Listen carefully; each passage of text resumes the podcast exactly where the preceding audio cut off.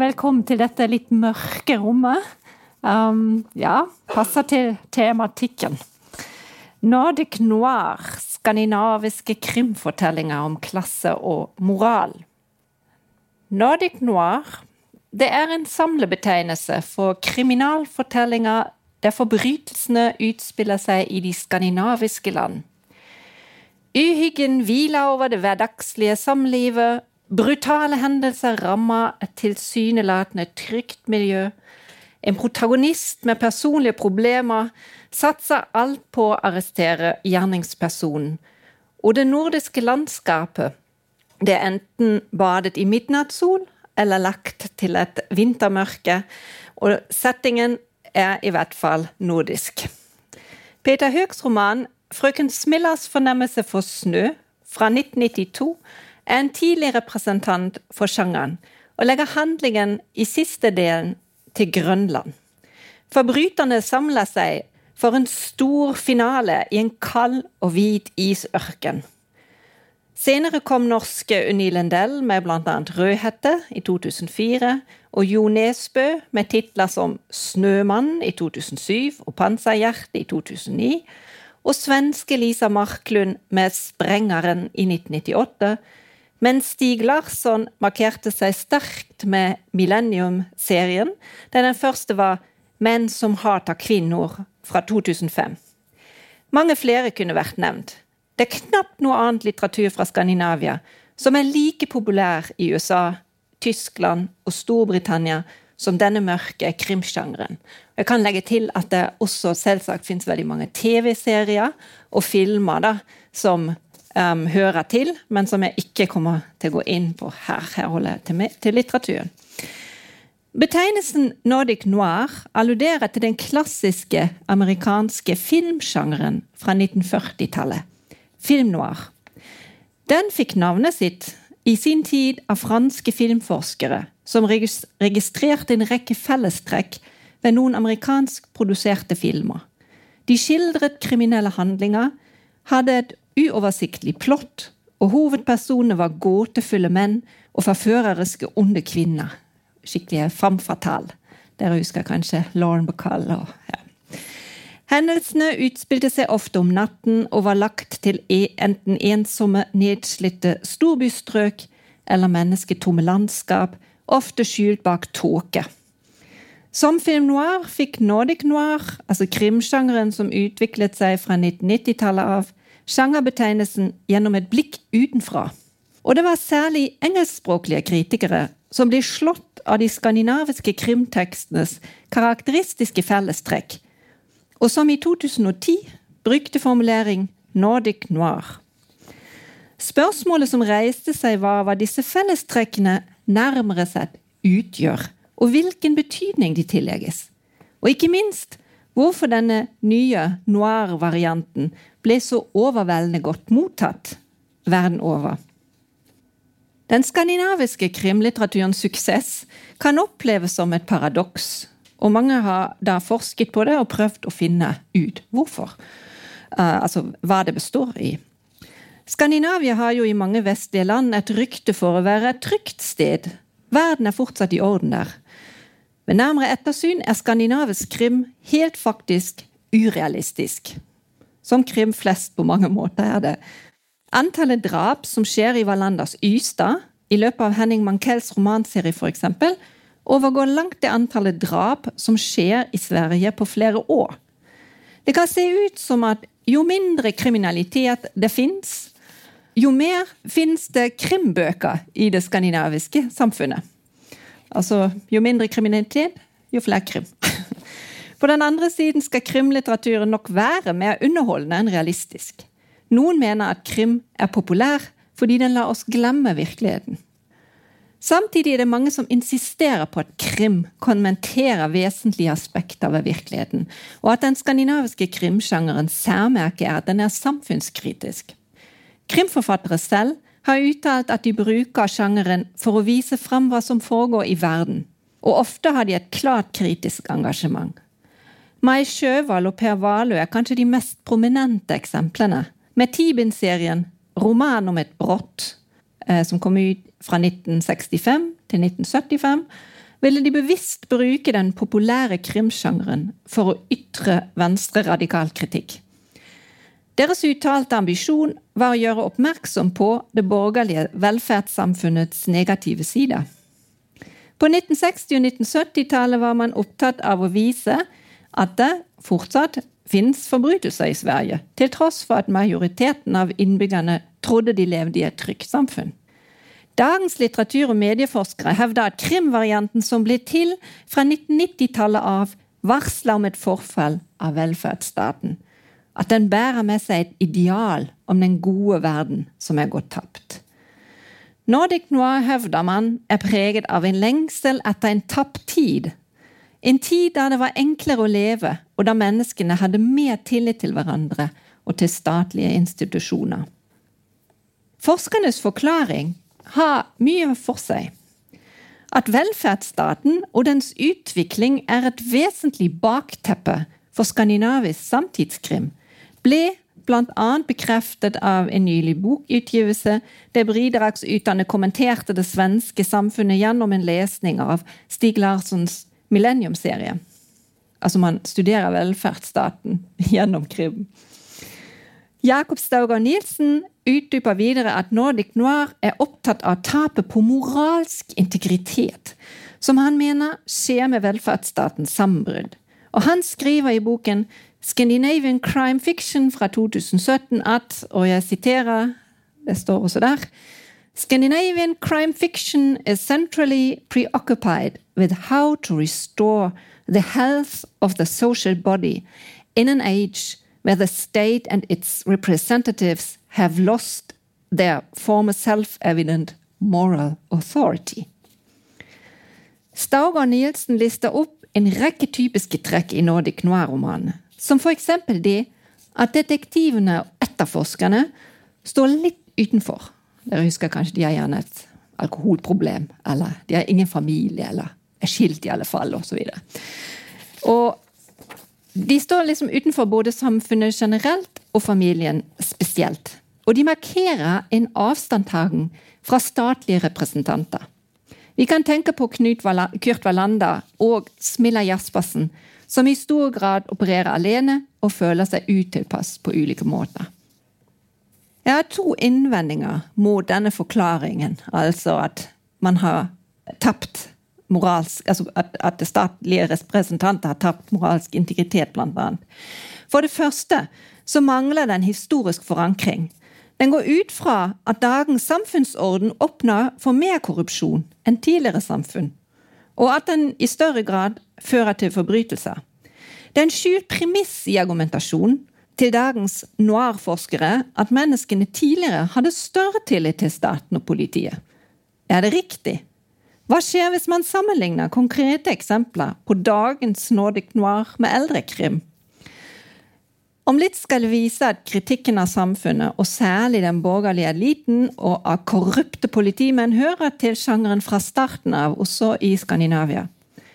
Og for det andre så forutsetter påstanden om at Nordic Noir bærer på en lengsel etter en verden der staten var en garantist for moral, altså som Staugar Nilsen påstår, at man har et avklart bilde av hva denne moralen går ut på, og at den prinsipielt kan garanteres av staten.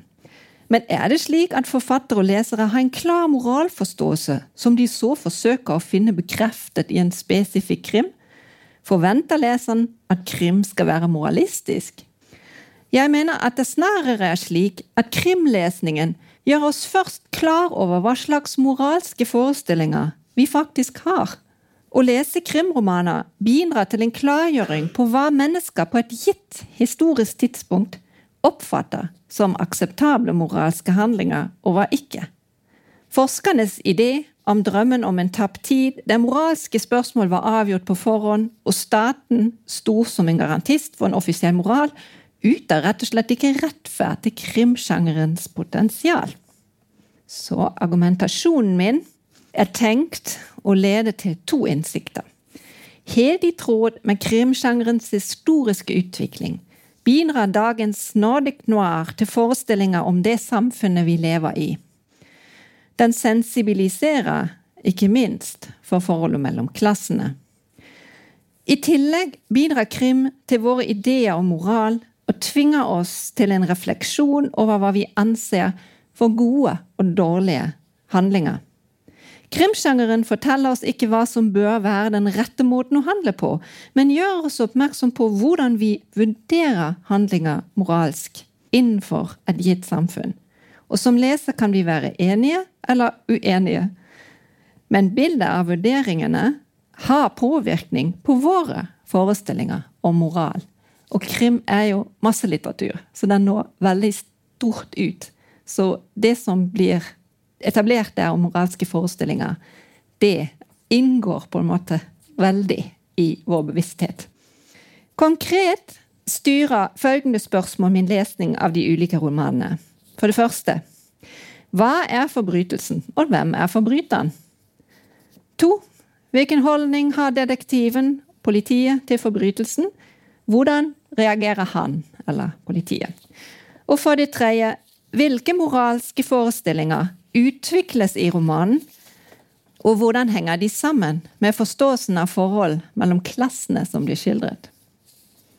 Krimsjangeren er jo da tradisjonelt avhengig av en forbrytelse som har hendt, og at en person eller et kollektiv oppklarer den. Før rettsvesenet og en politistyrke var etablert i de framvoksende demokratiene, kunne ikke krimsjangeren utvikle seg.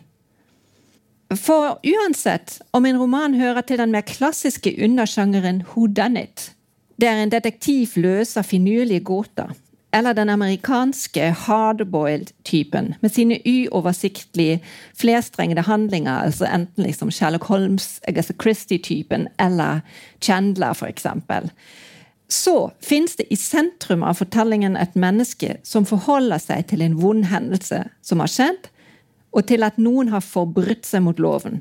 Og dermed påkaller krim uvegerlig spørsmål om moral. Hva er det som blir oppfattet som forbrytelse?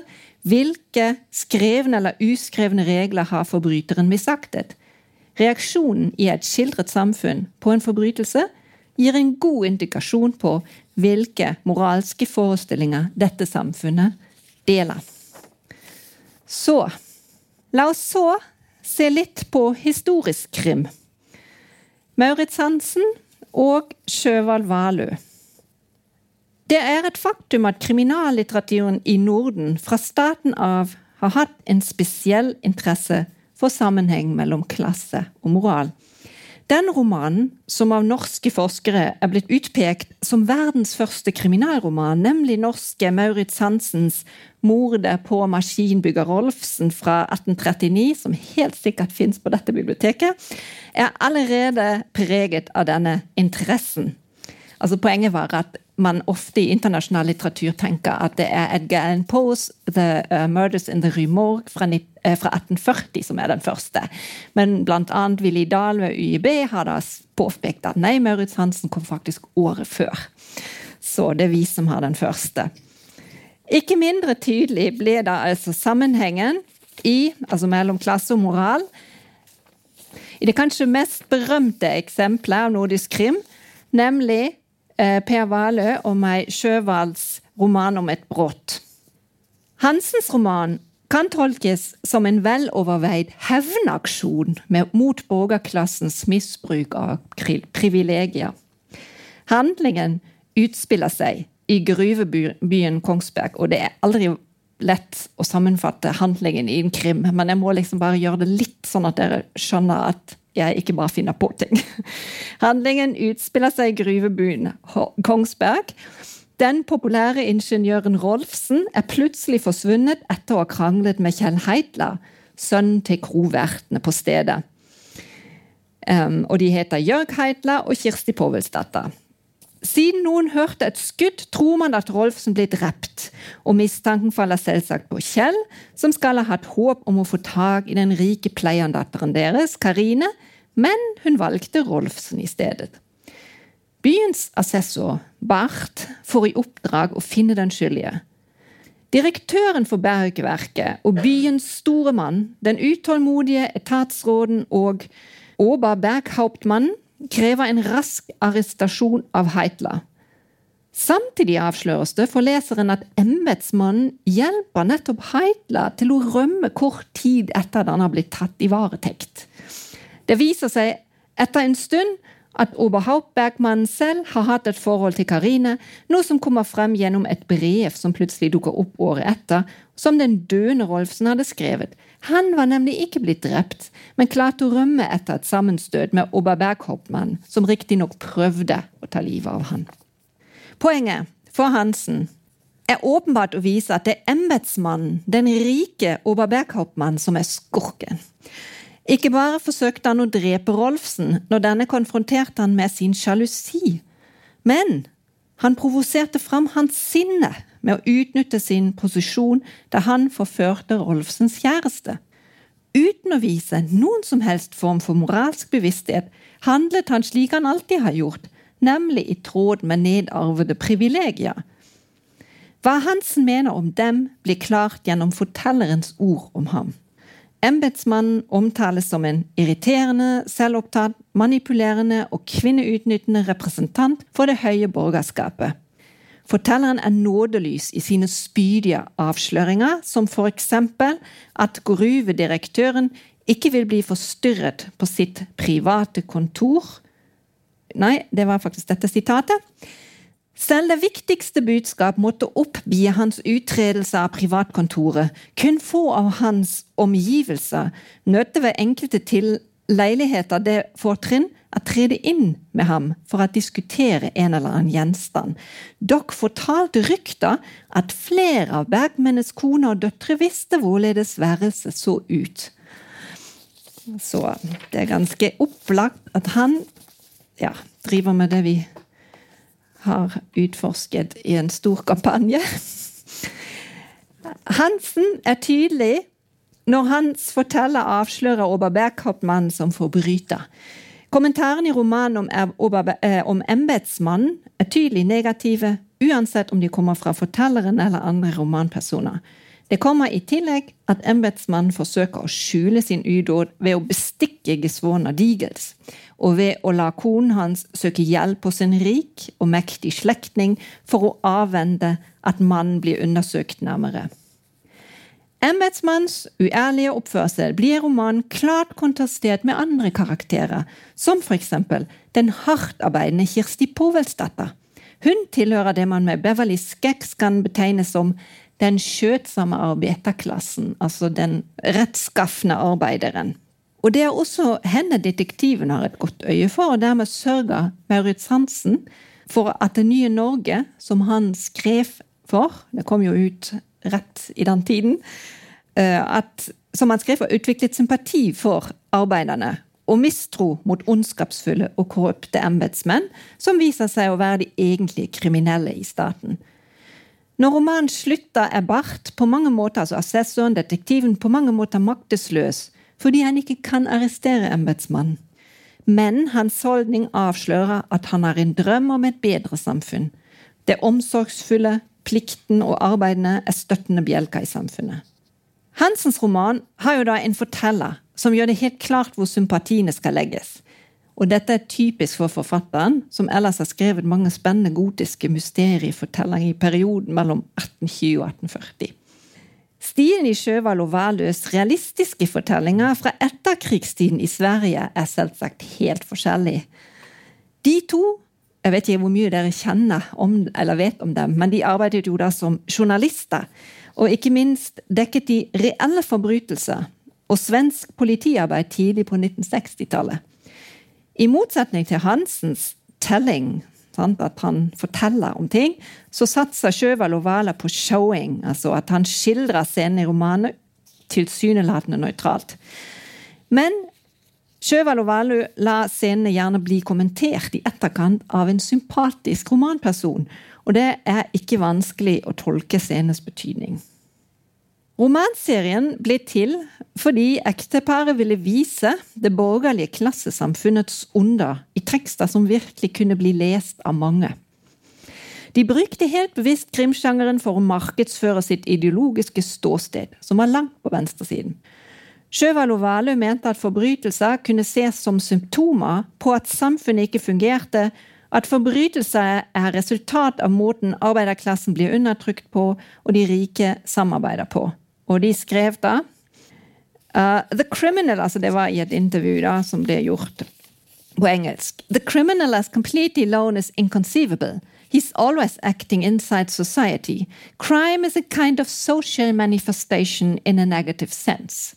Our intention of the series is to analyze a bourgeois welfare state society in which we try to see crime in relation to its political and ideological doctrines. Og man kan trygt si at de klarte å komme i mål med dette prosjektet. Police, potatismos fra 1970 er bind seks i serien om Martin Beck og K. Der blir direktør Viktor Palmgren, som leder bl.a. et boligbyggeselskap, driver utleie i stor stil og handler med våpen. Han kan nesten ikke gjøre enda mer gale ting. Skutt av en mann med et gevær under en middag på Hotell Savoy i Malmö. Drapet skjer så fort at morderen rekker å stikke før noen klarer å forstå hva som har skjedd. Jeg syns de er så morsomme, disse romanene fra 70-tallet. Vet ikke om dere husker dem, men de, de er helt knallbra. Motivet viser seg imidlertid å være at direktøren rett og slett stengte ned fabrikken som drapsmannen var ansatt på, fordi den ikke ga nok profitt. Det kommer frem at den onde handlingen, drapet, ikke ble begått overlagt, men ut fra en impuls som drapsmannen fulgte når han fikk anledning til å ta livet av den mannen som han mente hadde ødelagt livet hans. I etterkant spørs det også om handlingen virkelig må regnes som ond. Oppsigelsen etter fabrikknedstengningen og den påfølgende arbeidsløsheten ledet nemlig til at drapsmannen begynte å drikke, noe som først resulterte i at familien ble oppsagt av leiligheten de bodde i, og etterpå at konen krevde skilsmisse. Og den stakkars mannen, som i utgangspunkt var en hederlig arbeider, blir et offer for kapitalismens begjær etter profitt. Han har blitt jaget i et hjørne der han har mistet alt han en gang hadde i livet fordi direktør Palmgren skulle ha enda mer penger, et større hus og flere kvinner. Og når han plutselig ser Palmgren i hotellet mens han er i ferd med å sykle hjem fra skytebanen der han tilbringer sin fritid, blir han overmannet av fristelsen til å ta livet av ham.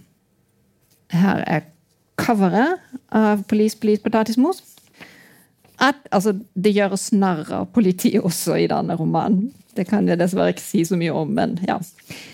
Coveret viser det. At vi ikke skal synes synd i drapsofferet, men erkjenner drapsmannen som det egentlige offeret, blir også støttet av reaksjonen til etterforskerne som jobber med saken.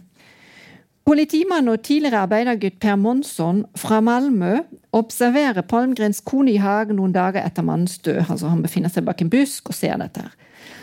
Sceneriet var anslående ur flere synspunkter. Gräsmattan var mycket stor og grønn, og likevel klippt som en green på en engelsk golfbane. Og midt i den fantes en nyreformet pool av lysblått kakel med klargrønnskimrende vann. I noe som liknande en Bruno Matsson-stol ved bassengkanten satt, eller snarere lå, Charlotte Palmgren naken og med slutna øyne. Hun kunne like gjerne ha vært en dokke i et skyltfønster. Nei, ser man på en naken enke, tenker Monsson. Og det er selvsagt påfallende at enken kort tid etter at mannen er blitt drept, ligger og soler seg naken i sin velpleide hage. Og i tillegg får hun da besøk av ektemannens unge assistent. Poenget er helt åpenbart å avsløre de rikes manglende moral, både når de ikke er trofaste, og når de bare tenker på profitt. Og også kriminalinspektor Becks sympati ligger klart hos drapsmannen. Riktignok har Beck til slutt løst drapet og sørget for at drapsmannen havna i fengselet. Men han er slett ikke fornøyd. Han lurer faktisk på om han kommer til å få sove om natten. Som hos Hansen er altså etterforskeren misfornøyd med at de egentlige skurkene går fri, og samfunnets orden består. Og den moralske tenkningen som forfatteren, fortelleren, hovedperson og leseren ser ut til å enes om hos Hansen, går ut på at man skal være arbeidsom, beskjeden, og hederlig i omgang med andre.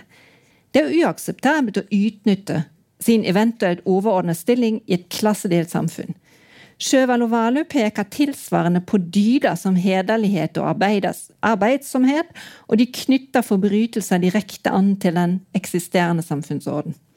De provoserer leseren til å ta stilling til moralske spørsmål når de lar hovedpersonen Beck tenke at et drap ikke alltid er den moralsk sett verste handling man kan begå.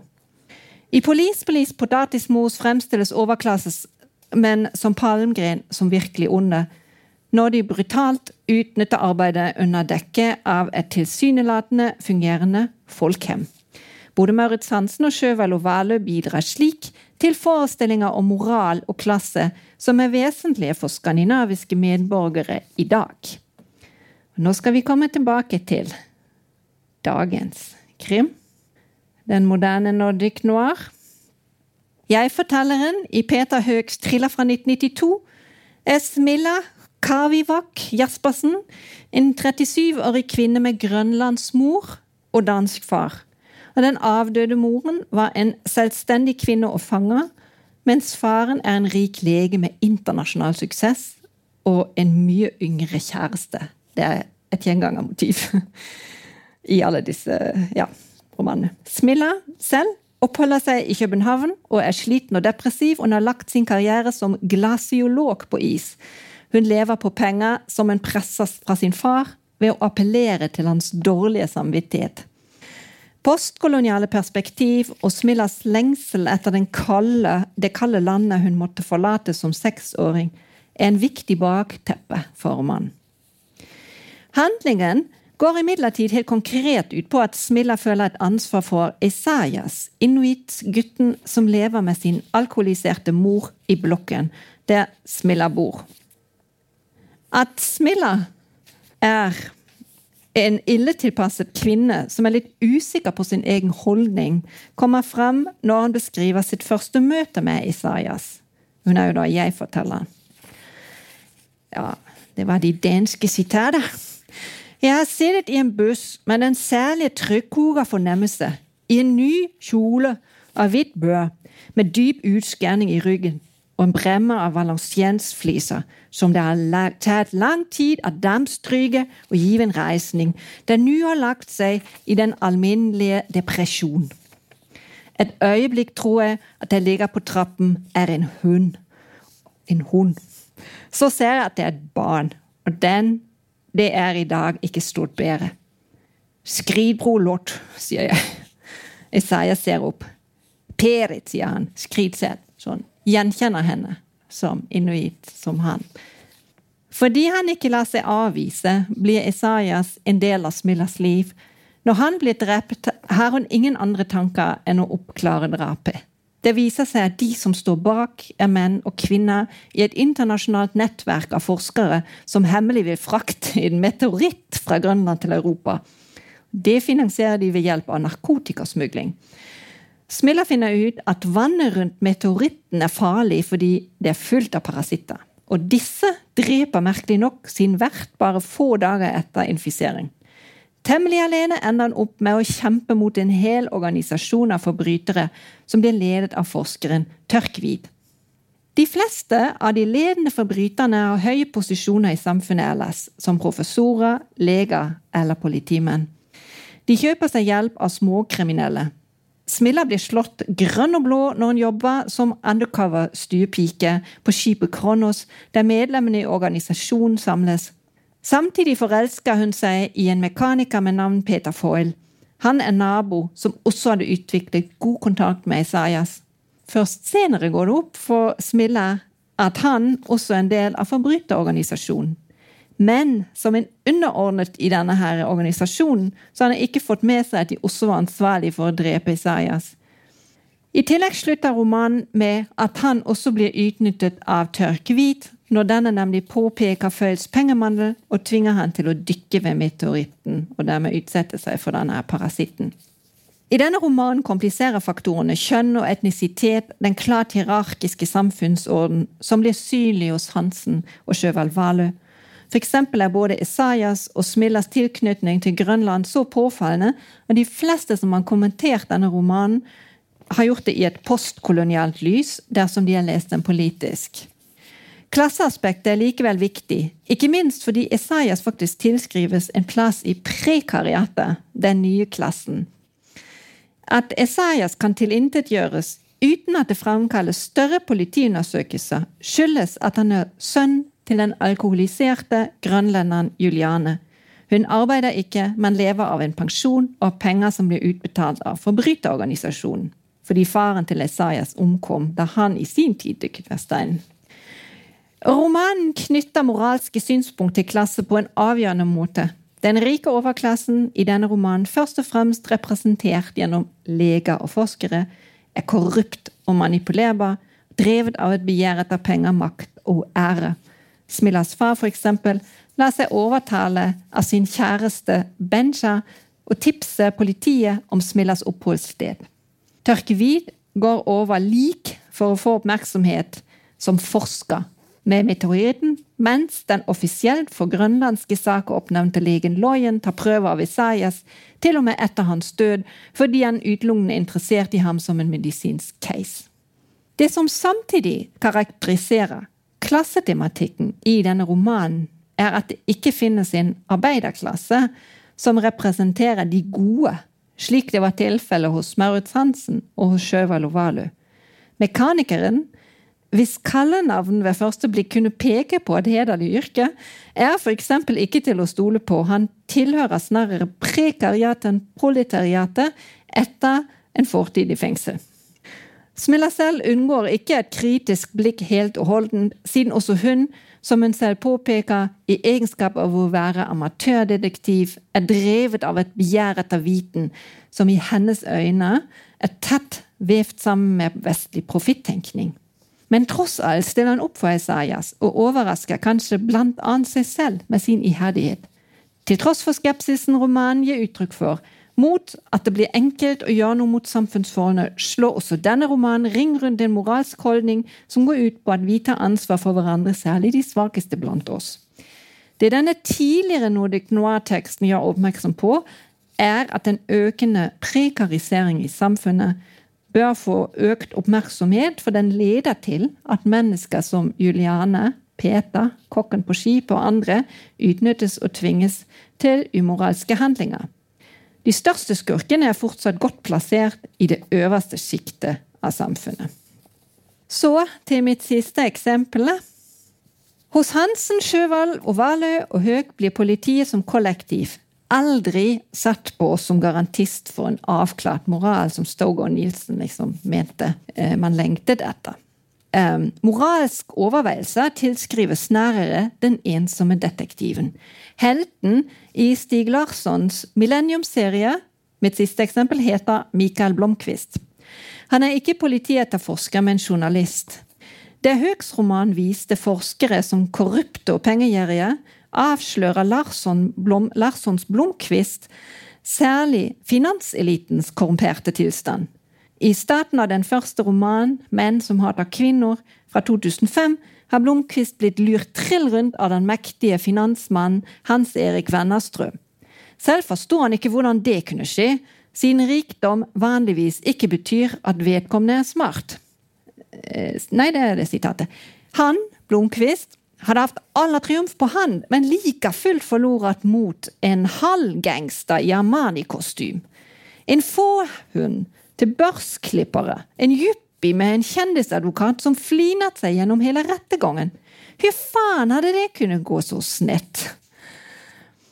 Blomkvist må etter den offentlige ydmykelsen som rettssaken framstå som for ham ikke bare tilbringe tre måneder i fengsel etter anklage om offentlig uthengning, men også trekke seg tilbake for å slikke sine sår. Han havner som aktør i et familiedrama lengre bort i landet, der han skal løse mordet på den pensjonerte bedriftslederen Henrik Wangers niese. Fordi Vanger er hans oppdragsgiver, kan han ikke avsløre familiens tette bånd til nazismen når han snubler over dem i jakten på Harriets lik. Blomkvist får hjelp av den smarte, men sosialt utenforstående Lisbeth Salander. I de to påfølgende romanene i serien blir det oppklart at hun er datter av en kvinnemishandlende russisk spion som hoppet av i Sverige. Og For å beskytte sin verdifulle informant beslutter farens voktere, en eksklusiv gruppe innenfor Politiets sikkerhetstjeneste, å tvinge Lisbeth til taushet. De konstruerer en historie om henne som stenger henne først inne i et barnepsykiatrisk hjem, før hun blir satt under formyndere. Det er de styrende klassene, som rikssikkerhetsagenter, politifolk, politikere, leger og advokater, som jobber sammen for å få Lisbeth til å tie stille. Hun anses som farlig for dem, til tross for at hun i sin umyndige posisjon og med sin usikre stilling i samfunnet kan sies å høre nettopp igjen til prekariatet. Lisbeth har imidlertid, som dere sikkert vet, et viktig våpen. Hun er datanært og kan hacke seg inn i all slags systemer. Selv om hun bedriver kriminell virksomhet, framstår hun som hederlig, fordi hun i første omgang bare er opptatt av å hjelpe personer som Blomkvist og arrestere forbrytere som Wennerstrøm og Martin Wanger. Disse kombinerer pengegriskhet og misogyni med angrep på demokratiske ideal. Først i neste omgang sikrer Lisbeth seg selv en klekkelig sum penger, slik at hun kan leve et stressfritt liv. Når Blomkvist tydelig tar avstand fra høyreekstremister, voldelige menn og korrupte finansmakere, kjemper han mot systemisk undertrykkelse av særlig kvinner fra arbeiderklassen og prekariatet. Som journalist avslører han i den første romanen hvordan importerte prostituerte fra særlig Baltikum blir brutalt utnyttet og drept uten at politiet vet om det. I den påfallende romanen støtter han en kollega i arbeidet med å avsløre menneskesmugling, der nettopp Lisbeths far viste seg å være sentral. Og i den siste romanen er han opptatt av å hjelpe Lisbeth med å kjempe mot hennes status som umyndig. Men bak de litt mer aktualiserte problemstillingene rundt kjønn, nazisme og rasisme, som også homohets og brutal kapitalisme, viser det seg igjen at de største forbryterne finnes blant de rikeste og mektigste høyt utdannede mennesker, som legen dr. Teleborian ved barnepsykiatri eller advokat Nils Bjurman, er blant romanskurker, betalt til dels av bedriftseiere og kapitalister som Vennerstrøm og Vanger. Og de som kjemper imot, er barn fra arbeiderklassen eller den lave middelklassen som Blomkvist og Salander, sammen med noen veltilpassede innvandrere som Lisbeths arbeidsgiver Dragan Amanski og politimannen Boblanski. Så kort oppsummering. Jeg mener altså at en grunn til at disse romanene er så uhyre populære, er fordi moralen appellerer til eh, leserne. At de rike og mektige gjennomfører handlinger som blir vurdert som umoralsk, blir allerede tydelig ved et blikk på Maurits Hansens krimroman fra 1839, «Mode på maskinbygger Rolfsen'. Det er en rik embetsmann og gruvedirektør som utnytter et korrupt politi og jussystem for å unngå straff, mens den hederlige arbeiderkvinnen fremstår som et eksempel til etterfølge. Etterkrigstidens klassesamfunn blir tegnet som systemisk ond i Tibin-serien roman om et brott av Sjøva Lovalu. Beck er Police Police Potatismos politimann som arresterer en mann fra proletariatet fordi han er drapsmann men han vurderer ikke drapsmannen som moralsk vond. Det er det borgerlige samfunnets representant, direktør Palmgren, som er den egentlige skorken. De nyere Nordic Noir-bøkene fortsetter i det samme sporet. Forestilling om klassesamfunnet som et onde opprettholdes, selv om faktorer som kjønn og rase også havner i blikkfeltet. Drømmen om en tilstand der ulike mennesker kan leve fredelig sammen, og der kvinner, inuitter eller mennesker med et prekært liv ikke blir utnyttet av de mektige, finnes like sterkt i romaner som Frøken Smillas fornemmelse for sne og Menn som avtar kvinner. De forhindrer ikke at både moral og klasse som begrep gjennomgår en endring. I de nye Nordic Noir-tekstene blir den prekære klassesituasjonen gjennom interseksjonen med kjønn og rase forsterket, og proletariatet får en annen valør når det kontrasteres mot prekariatet. Moralske spørsmål blir ikke alltid entydig besvart, og noen ganger blir de et eksplisitt anliggende for etterforskerne. Samtidig finnes det korrupsjon i statsapparatet og i politistyrken fra sjangerens opprinnelse av. Hva som regnes for gode og dårlige handlinger, blir aldri tatt for gitt i krimlitteraturen. Forbrytelsene nyanseres når de settes inn i en sammenheng, og etterforskerne må alltid utvikle en holdning til dem. At krim presenterer leseren for moralske vurderinger, noen foretar av menneskelig handling, og at skandinavisk krim særlig har bidratt til, og fortsetter å bidra til, å opprettholde forestillinger om utnyttelse av det sosialt svake som moralsk ond, er noe som bør anerkjennes og løftes fram som interessant og viktig.